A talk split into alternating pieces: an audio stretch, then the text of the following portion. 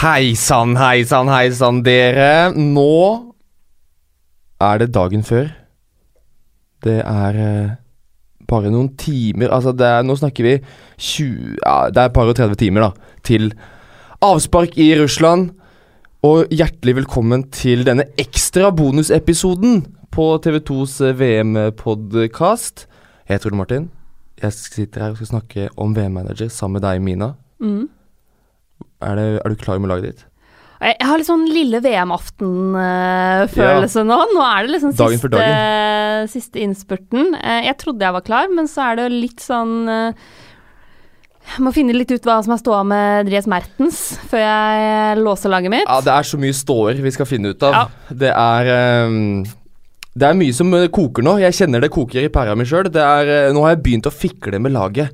Og da, og da har liksom Jeg har hatt et lag som jeg har låst, og som jeg har vært fornøyd med, og som jeg har vært trygg på.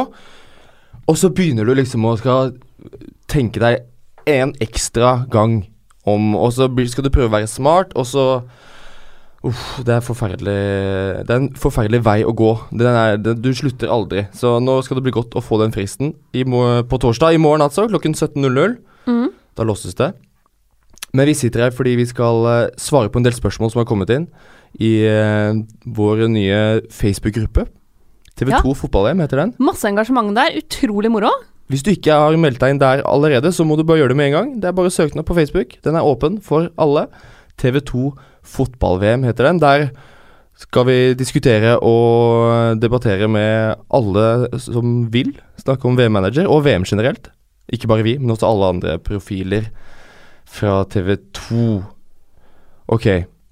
Jeg tenker at vi skal ta en statusoppdatering på våre egne lag først Mm. gå gjennom hvordan vi står nå. Eh, har du bestemt deg? Hvilke plasser er du usikker på, Mina? Så bare dra oss gjennom laget ditt. Ja, det er forholdsvis likt det det var forrige gang, egentlig helt likt. Foreløpig, med Uruguay og Muslera i mål, med Marcelo, Monier, Hector, Sass i forsvar. Munier syns jeg så veldig frisk ut for Belgia mot eh, Costa Rica, så der er jeg fortsatt eh, ganske sikker på at han får den ene plassen. Eh, Midtbana er fortsatt David Silva, Milinkovic Savic og James Rodriguez. Mens jeg da har Messi, Cavani og Mertens på topp. Men det var Jeg, kjente jeg ble litt nervøs da Mertens satt med en sånn ispose eh, etter at han gikk av mot Costa Rica. Eh, mange mener at det er bare litt sånn precautionary for å unngå at det skulle skje noe, men jeg må følge litt med der. Hvis jeg blir usikker på Mertens, så For han så veldig god ut mot Costa Rica. Skåra og assist og Ja. kjempeinvolvert. Men hvis han er usikker, så tror jeg at uh, jeg tar Mertens ut for Timo Werner, Tyskland Mm. som er billigere, og så oppgraderer uh, SAS til for eksempel Ricardo Rodriguez i Sveits, som tar straffer. Mm. Eller eh, Tja, hvem andre er det jeg kikka på? Jo, for eksempel så kan du gå for Lucas Hernandez i Frankrike, hvis han starter nå. Mm. Eh, eller eh, kanskje Trippier. Fordi England har to enkle kamper først. Og Trippier har vi jo sett i Premier League i år at han også er målfarlig, og, eller kan, kan være mye i fall. målpoeng. ja. er vel det han kan levere, da. Han blir ikke noe toppskårer, den Nei, det, lille ikke, det, det er en av de få tingene jeg er sikker på i VM i år. Trippier blir ikke toppskårer, men han har mye, mye assister i seg, da. Mm. Ok, så um, ikke store endringene, altså. For- Nei, men jeg sitter og blør Men- men veldig for at jeg ikke har Neymar. Ja, fordi der har jeg blødd som et åpent sår siden sist. Eh, men det kan jeg komme tilbake til. Med Mertens, da. Mm. Det er, vi har ikke sett noen rapporter på statusen på han.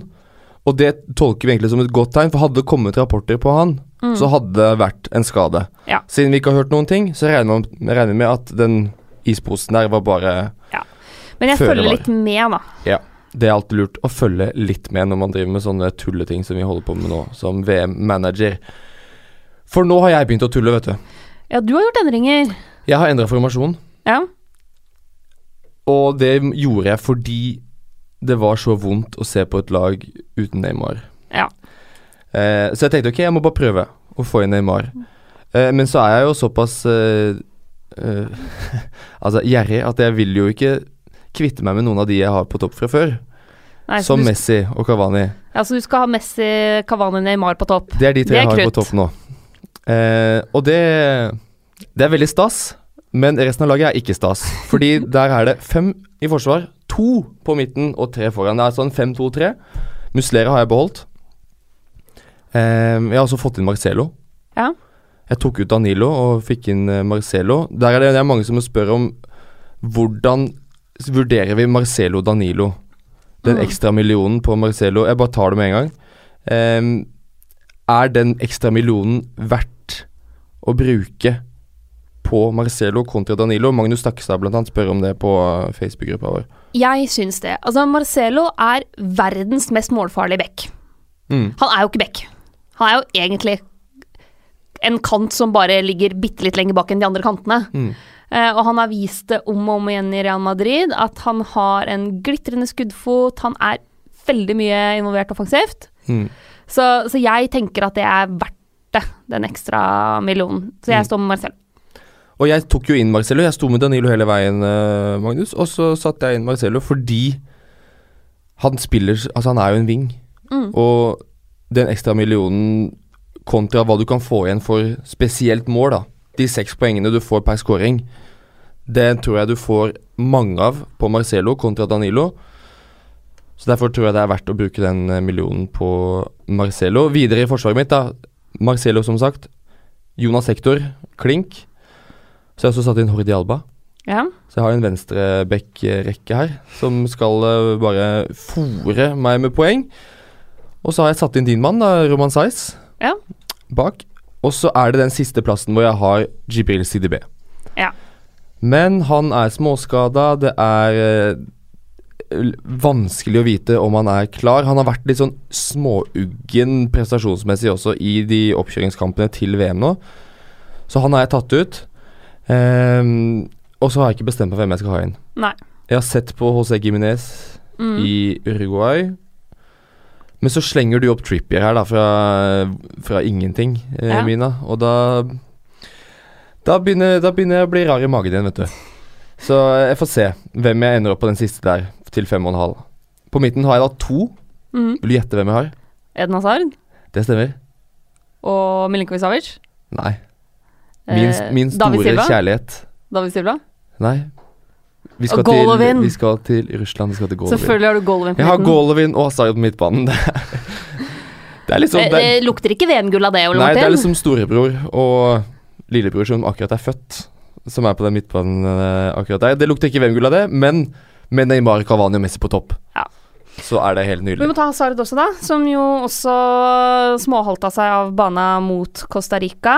Eh, der er alle rapportene fra den belgiske leiren at det går helt fint. Mm. Nok. Det var ikke noe problem. Det, var, det er typisk at Hazard bare ah, Nå halter jeg litt, for nå orker jeg ikke å spille mer. Tror Nei, jeg. men det har det Jeg forstår at mange har vært stressa for det, men, men der ser det ut til at alt er greit, at han er Mm. eh, klar. Så Mertens tror vi er klar, vi har ikke fått bekrefta. Hazard kommer til å bli klar. CDB er småskada. Det er også mange som lurte på Mbappé. Mm. i Frankrike. Han um, har jo meldt selv at han eh, er helt eh, klar. Det var en liten lite spark på trening der, som plutselig så alvorlig ut, men det var ingenting. Så Adil Rami er uh, frikjent i den saken. Og så er det et spørsmål Vi begynner litt på spørsmålsrunden her nå. Kim Nyheim Næss lurer på om folk har glemt Salah. Vi har jo ikke glemt Salah. Vi har ikke glemt Salah, men Salah trener fortsatt ikke med laget. Ikke sant? Så det er usikkert om han rekker den første kampen. Og det er også sånn at den første kampen er jo også Egypts vanskeligste i gruppespillet, Mm. for det er mot Uruguay. Mm. Uh, sånn at da er det ikke noe poeng å stresse med å ta inn Salah til den kampen, syns jeg. Mm. Vi vet ikke om han spiller. Gruppas vanskeligste match. Det er litt som at mange venter med, til Spania er ferdig med, med Portugal. Og så er det også litt sånn usikkert hvor godt resten av laget rundt kommer til å levere. Mm. Så jeg tenker at jeg ikke har noe hast med å få inn Salah. Jeg hadde han jo gjennom hele sesongen eh, på Fancy Premier League, men der eh, er jeg på gjerdet. Mm. Jeg kommer til å sitte langt bak gjerdet, til og med. Ja. Fordi han kan være i trening og hele den pakka der, men de lagkameratene han har til, i Egypt kontra Liverpool, i, til uten forkleinelse for noen av de, så er det Det, det går ikke å hold, opprettholde den samme flyten. Og spesielt Firmino Liverpool. Han har ingen som det i Egypt, som kan være med og serve han og få til det samspillet på topp der. Og så er han Han kommer rett fra skade. Mm, umulig å vite hva slags form han er i. umulig å vite. Og han er uh, satt opp som spiss, ikke midtbane som han uh, Mm. har vært på Fancy Premier League. Og han koster 9,5. Han var dyrere enn det han starta på på Ja. Fancy Premier League. Og 9,5 det det, det er det samme som, som f.eks. Cavani. Og det er en million dyrere enn Timo Werner, som spiller Mm. for Tyskland. Mm. Så jeg syns ikke Sala er verdt prisen. Nei. Det er vi enige om, eh, Mina. Vi skal ta en del spørsmål nå, så jeg bare hiver meg på eh, lista her. Vi kan holde oss i angrepsrekka, da. For det er det flere som spør om uh, spisser. Det er en jungel av spisser. Det er så vanvittig mange å velge mellom. Det er derfor jeg har endt opp med de tre kanonene jeg har på topp. For jeg klarer ikke å velge bare noen. Og um, både Fredrik Fornes og Mats Evensen spør mye av det samme om Lukaku her. Ja. For å få inn Lukaku. Han så helt brennet ut mot eh, Costa Rica. Mm. Han skal åpne mot Panama. Og som Mats Evensen sier, at han hadde Grismann først, men så så han Belgia, og da var Lukaku rett inne. Mm. Så hvem Hvor kan vi rangere Lukaku i forhold til alle de andre spissene? Altså, Lukaku pleier å være god for Belgia. Mm. Uh, han har vært bedre for Belgia enn han har vært for eh, United uh, i perioder. Eh, og har jo et helt, an, helt annet kobbel av eh, spillere bak seg for Belgia. Ikke til forkleinelse for Manchester United, eh, men når du har både Eden Hazard og Kevin De Bruyne som kan skape sjanser for deg Ja, og Mertens rundt der. Altså, de Ikke sant? løper rundt, og der alle vil bare framover hele Det er mye, mye trøkk i angrepet til eh, Belgia. Jeg syns Lukaku er et fint valg, altså. Jeg syns absolutt det. Eh, han er jo ikke helt på Altså, han er dyrere enn f.eks. Kavani.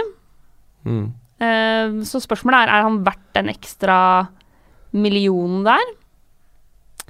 Det er jeg litt mer usikker på. Jeg har jo gått for Mertens isteden, som er eh, en million billigere, han også. Men eh, Fordi det er jo en potensiell toppskårer her. det er det absolutt. Hvis Belgia endelig skal få full Få liksom utløp for alt det potensialet som ligger i det laget. Da kan de sitte med fem-seks mål etter gruppespillet. Ja. Og da er det jo ingen som tar av den, uansett hvor langt Belgia kommer. Så mm, jeg, altså Til 10,5 så syns jeg han Hadde han vært 11 eller 11,5, så syns jeg han hadde vært for dyr. Ja. Men så er det det at Mertens er 9,5. Ja. Og jo flere gode offensive spillere Belgia har, jo flere er det som vil dele på målpoengene. Mm. Så da er handler det litt også om verdien der. Og Mertens til én million mindre er eh, minst like aktuell. Jeg ville egentlig gått for Mertens pga. den ene millionen. Fordi millionene er veldig De er enda mer viktigere enn eh, Mm. en før. Det sier jeg hver gang, men eh, altså Men det, jeg- er- den er tøff, altså. Men jeg tenker at Lukaku er på en måte blant Han er blant eh, de mest aktuelle spissene å ha inn. Hvis du Mm. ser på liksom lista her nå eh, altså Han er langt mer aktuell å ha inn enn Ronaldo, enn Aguero, enn Griezmann, enn Diego Costa, enn Thomas Müller, som er spillere i Som er samme pris eller dyrere. Mm.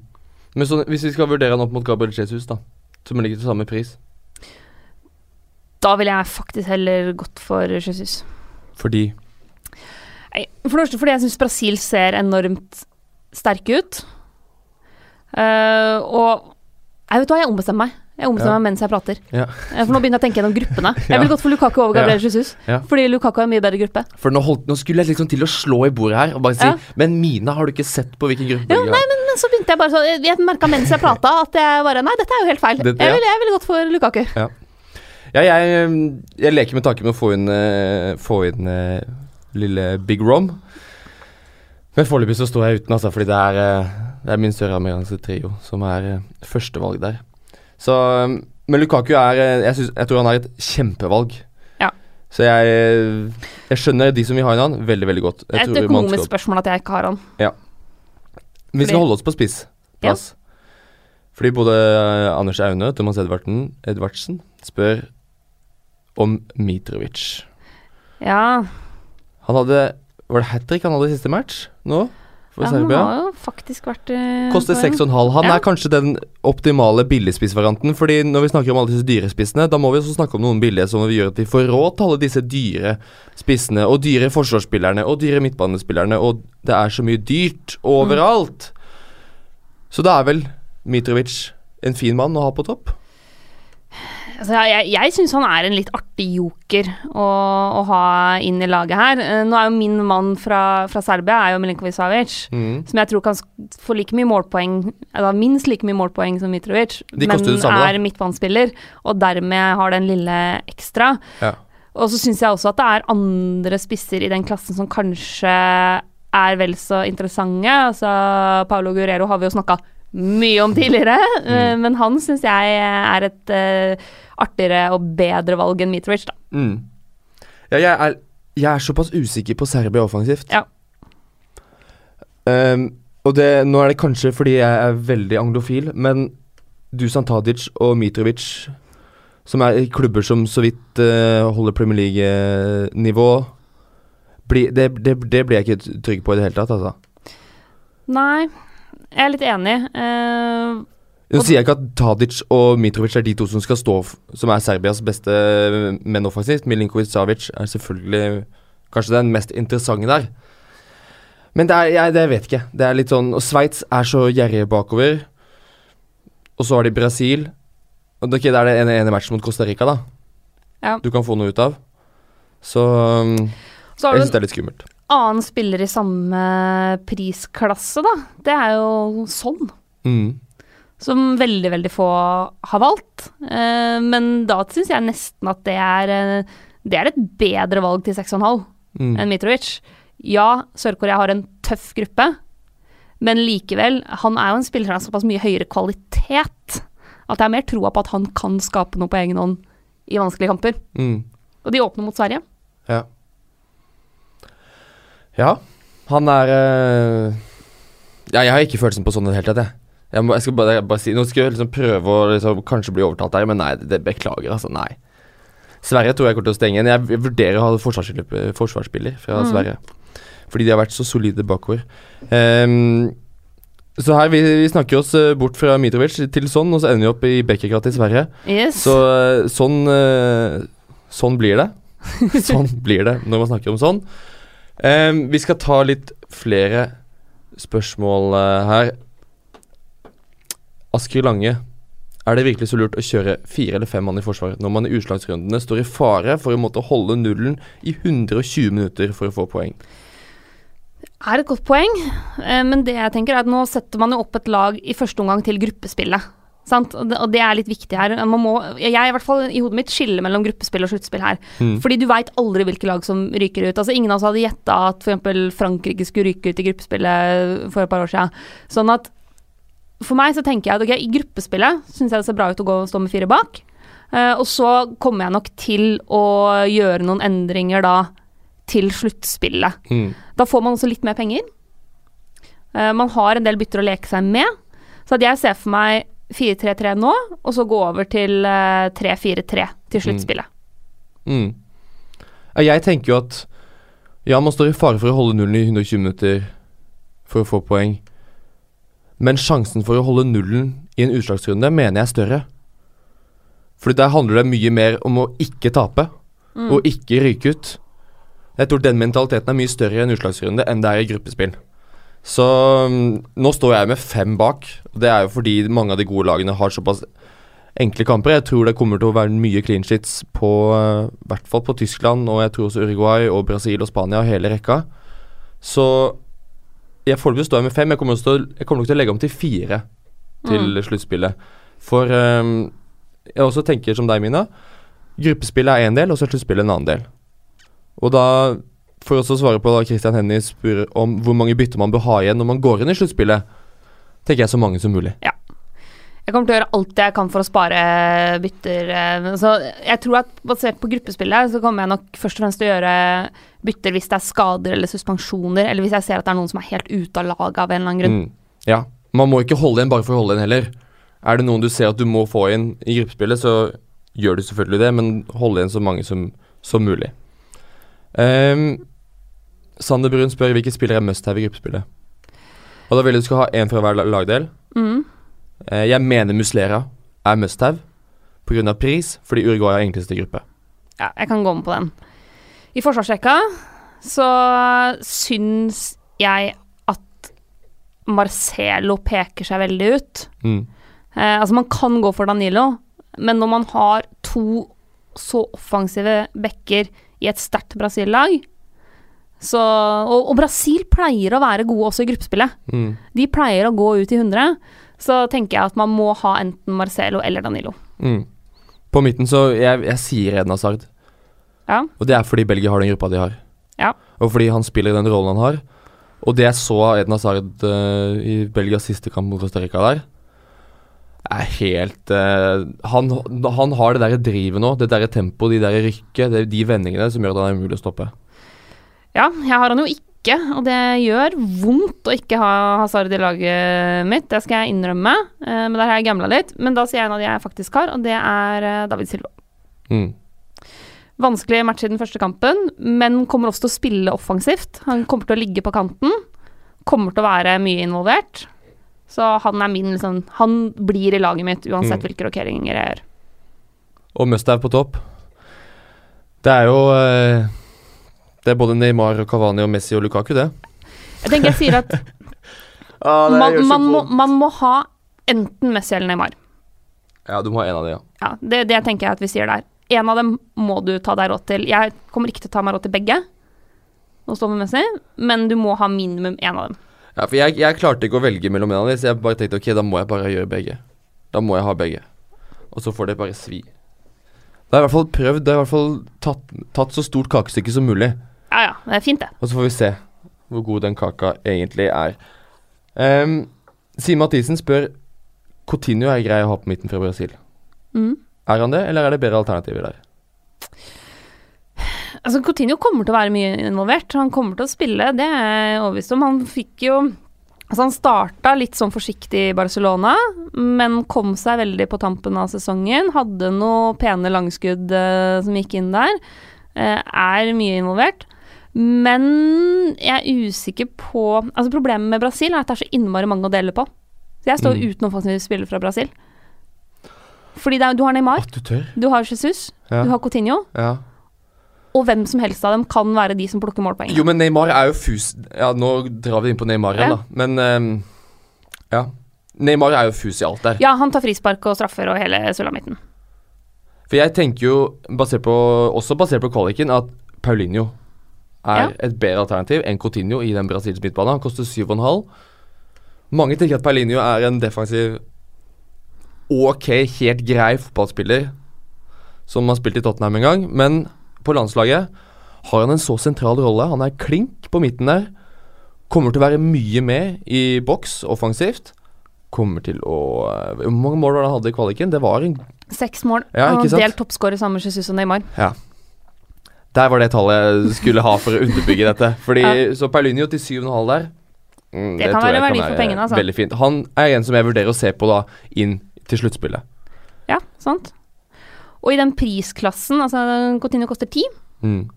så han er en halv million billigere enn Eden Hazard. Mm. Men uh, jeg syns det da er mer, mye mer verdi i Eden Hazard for den halve millionen ekstra. Uh, Isco er til samme pris i Spania. Kan være Har vært god for landslaget. Kan være et interessant valg.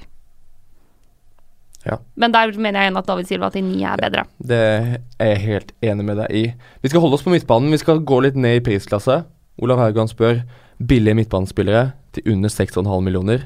Hvem er de tre beste valgene? Ja. Skal vi si én hver? Jeg vet at du vil si Milinkovic Savic. Jeg vil selvfølgelig si Milinkovic Savic. Og jeg skal selvfølgelig si min kjære Aleksander. Ja. Vi er bare på fornavn, vi nå, skjønner du. Jeg er Golovin. Vi er bare på fornavn. Ja, han har ikke svart på venneforespørselen min ennå. Og du har så innmari crush på Golvin. Jeg gleder meg til du får se han i en kamp endelig. Du har ikke gøy. sett han spille ennå. Nei, det blir fint. Vi skal ta en annen Vi skal se på litt andre jokere her. Jeg har Altså, skrevet opp Carasco, jeg, da. Carasco i Belgia. Uh, Victor Moses, Ja. 6,5. Helt annen rolle for Nigeria enn det han har i Chelsea. Mm. Uh, Toppskårer i kvaliken, hvis jeg ikke husker feil. Mm. Kan være en artig spiller å slenge innpå hvis man eh, er i det litt lekne humøret. Ja, definitivt. Eh, så også går det an å nevne Jeg syns den er litt mer far-fetched, da. Det er Hakim Siek i Marokko. Ja, den store, store marokkanske stjerna. Ja. Men der er også der, Fordi der får du Du får en nydelig åpningskamp mot Iran. Utover det så er det ikke så Så attraktivt når du har Portugal og Spania på de to neste. Ehm, og så er jeg også usikker på hvor god Marokko er offensivt. Der ble jeg meg flat og sier at det vet jeg ikke nok om. Hva? Så Carasco vil jo jeg nevne da fordi Belgia har den gruppa de har. Ja, eneste ulempen der er at han spiller jo wingback. Ja, Og han er langt bak i køen når det skal scores tap-in Ja. fra fem meter der. Så det er ikke sånn kjempeverdi i han, men uh, Milinkovic, Savic, Golovin Det er bare sånn, det er bare håpet. Ja, Ingen av de kommer sikkert til å få noen ting som helst. vet. Det blir bare drømmetenkning. Men det er det dette spillet er til for. Vi skal um, avslutte med tre litt sånne klinke dilemmaer. Mhm. Én i hver lagdel. Først er fra Martin eh, Sandvik her. Kimmich eller Hector for Tyskland. Der er det et prisspørsmål. Mm. Men tenk på hva du får med Kimmich. Ja, det er, jeg skulle til å si det. Fordi altså Jeg hadde Kimmich i laget mitt lenge. Så jeg hadde Kimmich Danilo, og så endra jeg det til Marcelo og Hector. Men Kimmich eh, ser ut som en million eh, fancy dollar. Mm. Så jeg vil eh, Ja, jeg syns eh, han er verdt prisen. Mm. Jeg syns også Kimmich er verdt prisen, men jeg tror Hector vil få Han vil ikke få så mye mindre poeng. Så jeg, jeg står med Hector, og jeg kommer til å gjøre det fordi det også gjør at hele laget ser i hvert fall hakket bedre ut enn hvis det hadde vært Kimmich som hadde vært der. Ok, neste. Jonathan Pettersen spør om Christian Eriksen eller James Rodriguez. James Rodriguez. 8,5 begge to. Ja, jeg sier da James Rodriguez. Jeg har jo James eh, Rodriguez. Christian Eriksen hadde en fantastisk sesong, men det handler litt om de gruppene de spiller i. Mm. Eh, Rodriguez spiller i en veldig åpen gruppe med Polen, Senegal og Japan. Der kan det være alt å spille for hele veien. Mm. Eh, mens Christian Eriksen skal opp mot Frankrike, Peru og Australia. Det er klart I Australia-matchen så kan han dunke inn noe frispark. Han også er toppskårer gjennom kvalifiseringa til Mm. Danmark. Men jeg tror den gruppa Jeg tror det blir færre mål Mm. i den gruppa. Jo da, men samtidig så er en nøkkelfaktor hver eneste gang, uansett om man spiller VM-manager eller Fancy Premier League eller Eliteserien eller hva som helst. Når du finner den ene stjerna i et middels lag, så er det alltid alltid et godt valg. Og hodet mitt sier kanskje mer James Rodriguez, men hjertet mitt sier Christian Eriksen. Fordi hvis det er noen som kommer til å score for Danmark, så er det han. Mm. Hvis det er noen som skal slå en assist, så er det han. Han kommer til å være involvert hver eneste gang Danmark kommer til å skåre. De kommer til å skåre mot Australia. Jeg tror de skårer mot Frankrike også. Jeg har sagt det før at jeg har en dårlig følelse på Frankrike dette mesterskapet. Så der også er det bare å ok, gå for det, satse for det. På at Eriksen og Danmark kommer seg videre fra gruppa. Og da har Eriksen i hvert fall vært involvert i mål i, Da tror jeg han har vært involvert i mål hver eneste kamp. Ja, og Vi får være enige om å være uenige akkurat der. Jeg Mm. står kjempegodt med Hames. Siste, da. Remi Kaspersen. Det største dilemmaet av dem alle. Lionel Messi eller Neymar? Jeg har valgt Lionel Messi. Eh, det er færre Altså, det, det er jo helt utrolig med den angrepsrekka Argentina har, Mm. men jeg føler meg tryggere på at Messi kommer til å være involvert i målene til Argentina, enn at Neymar nødvendigvis er det i målene til Brasil. Der Mm. er det flere som kan ta ansvar og stå fram. Altså, Messi har også veldig sterke offensive lagkamerater, Mm. eh, men han Altså, hele Argentina er bygd rundt Messi. Mm. Det er jo treneren helt åpen på også. Altså, hele konseptet er jo og hvordan kan vi få Messi til å spille best mulig i VM. Mm. Sant? I tillegg til at han har den derre Kanskje hans siste sjanse til å kunne vinne VM-driven. Og også det at eh, Neymar har vært ute med skade ei stund. Han har jo sett veldig frisk ut da han kom tilbake, men det gjør at det tipper i favør Messi for min del. Mm. Hvis jeg skal velge en, så er jeg også helt enig med de argumentene dine mine. Det hadde også gått for Messi. Men tanken på ikke å ha Neymar Ja.